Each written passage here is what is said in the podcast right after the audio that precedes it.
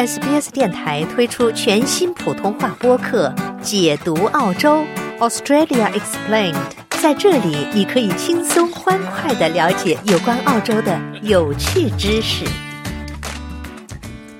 霍华德政府时期将移民政策从家庭移民转向技术移民，一项新的研究分析了社区移民集群的变化。我采访了参与该研究的皇家墨尔本理工大学理学院地理空间科学系副教授。孙倩博士，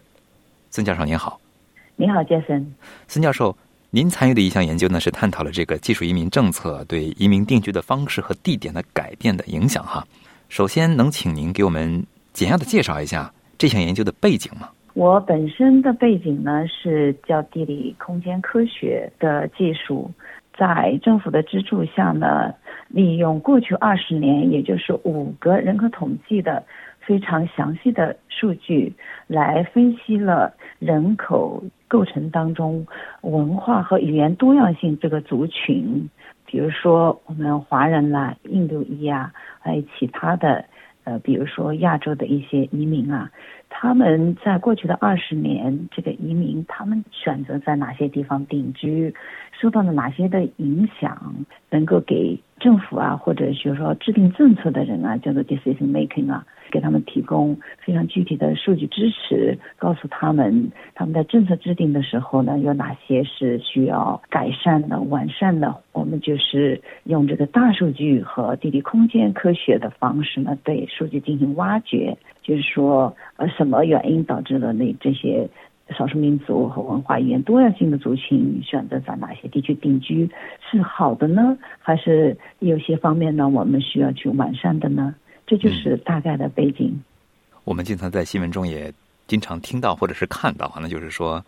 呃，一些新移民啊过来之后呢，学历也比较高，但是找这个专业的对口的工作方面呢，并不匹配吧？就是您的研究照顾到这一点呢，或者是将来会照顾这一点吗？我们这项研究啊，就提供了一些量的一些支持。这个阶段呢，我们还没有得到一些非常具体的发现，但是根据我们已经。采集到的数据啊，我们的确是发现了一些地区，比如说墨尔本的东南区，有些区早期的一些技术移民的聚居地，他们后来从事的相关的职业呢，相对来说跟他们的原来的学历不匹配。那也就是说，这样的一些发现，虽然我目前还没有得到一个统计的一些。具体的指标，但是我们从做图，我们已经发现了这样的不匹配。技术移民政策是从霍华德政府时期重点提出来的哈，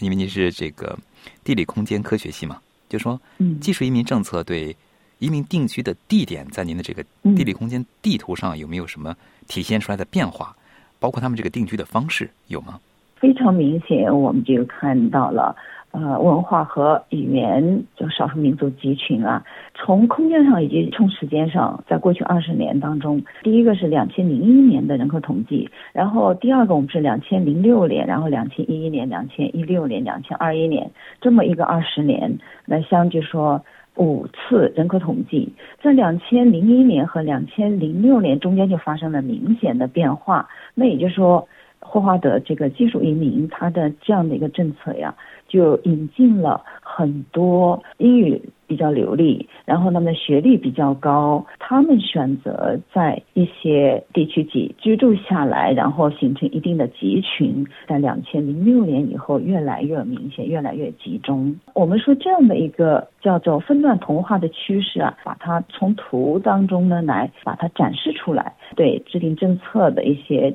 地方政府以及呃联邦政府以及州政府来说，他们都有非常重要的指导意义。其中，您的这个文章中提到一个词哈，叫这个 clusters of diversity，我把它就是直译成是多样性集群哈。怎么样去更好的去理解这个多样性集群的概念呢？多样性集群它指的是在特定的地区或者特别是社区内啊。它的文化和语言多样性的人口聚集形成的区域，甚至说是一种百分比的一种定量性的一个指标。就是说，美国的话呢，它研究非常多，它发表的文章也比较多，在很多地方他们做的比较好。澳洲呢，澳大利亚相对来说要滞后一些。影响这个移民或者是影响这个多样性集群他们这个状态的因素会有哪些？传统的在学界呢，他们有一个理论叫做分段同化趋势。首先是呢，这些移民来了以后，他们有一些相对来说比较隔离，然后呃形成一小族群，然后慢慢慢慢的，随着时间的发展，它又慢慢的同化，那也就多元性越来越强。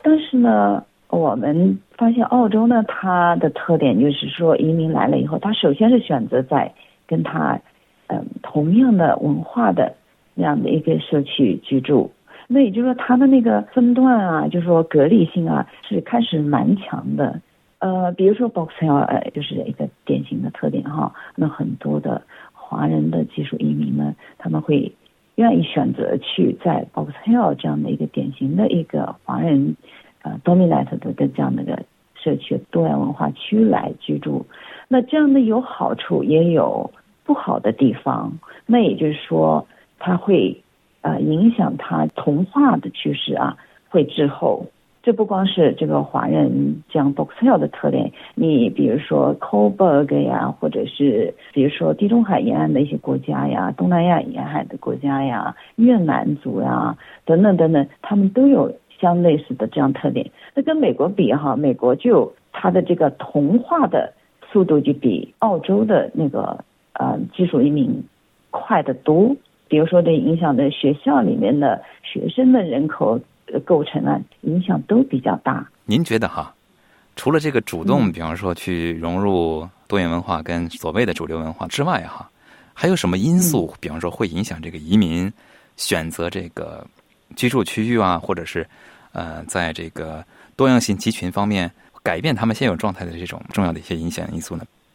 人居环境、基础设施啊。基础设施当然就跟交通有一定的关系，然后呢，就是这个资源的分配，交通也是当然是其中一点。这个 core 的这个族群呢，也喜欢选择呃学校，就是学校的一些表现呢，他们的嗯 performance 也会影响他们的选择地。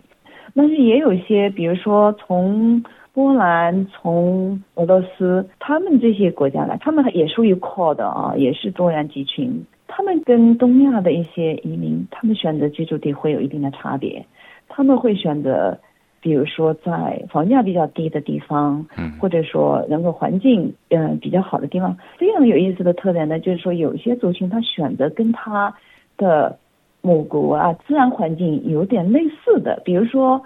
从不丹、从尼泊尔这些国家的移民，他喜欢选择在山区地区。比如说墨尔本东南部，他们会选择，当然首先是考虑到交通、工作机会、学校、住房成本等等，那也会选择这个自然环境，呃，他们觉得比较舒适的或者熟悉的来居住。您的这个研究对这个多样性集群有所展望吗？或者您之后会有哪些后续的研究吗？接下来就说一些就是落地性的研究。跟健康有关系的人口城市规划有非常具体的相关性哈，比如说家庭医生的分布、健康设施的分布是不是跟这个多元文化集群的分布匹配？我们就发现，在新冠疫情期间，嗯，明显的在有些就是少数民族集群的地区啊，它的这个发病率啊，相对来说比较高。如果将来再有这样的类似的大的。呃，event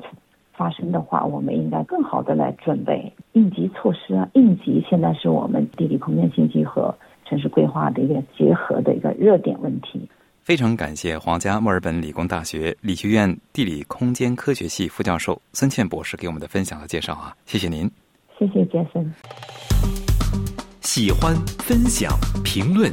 欢迎您在 Facebook 上关注 SBS 普通话页面。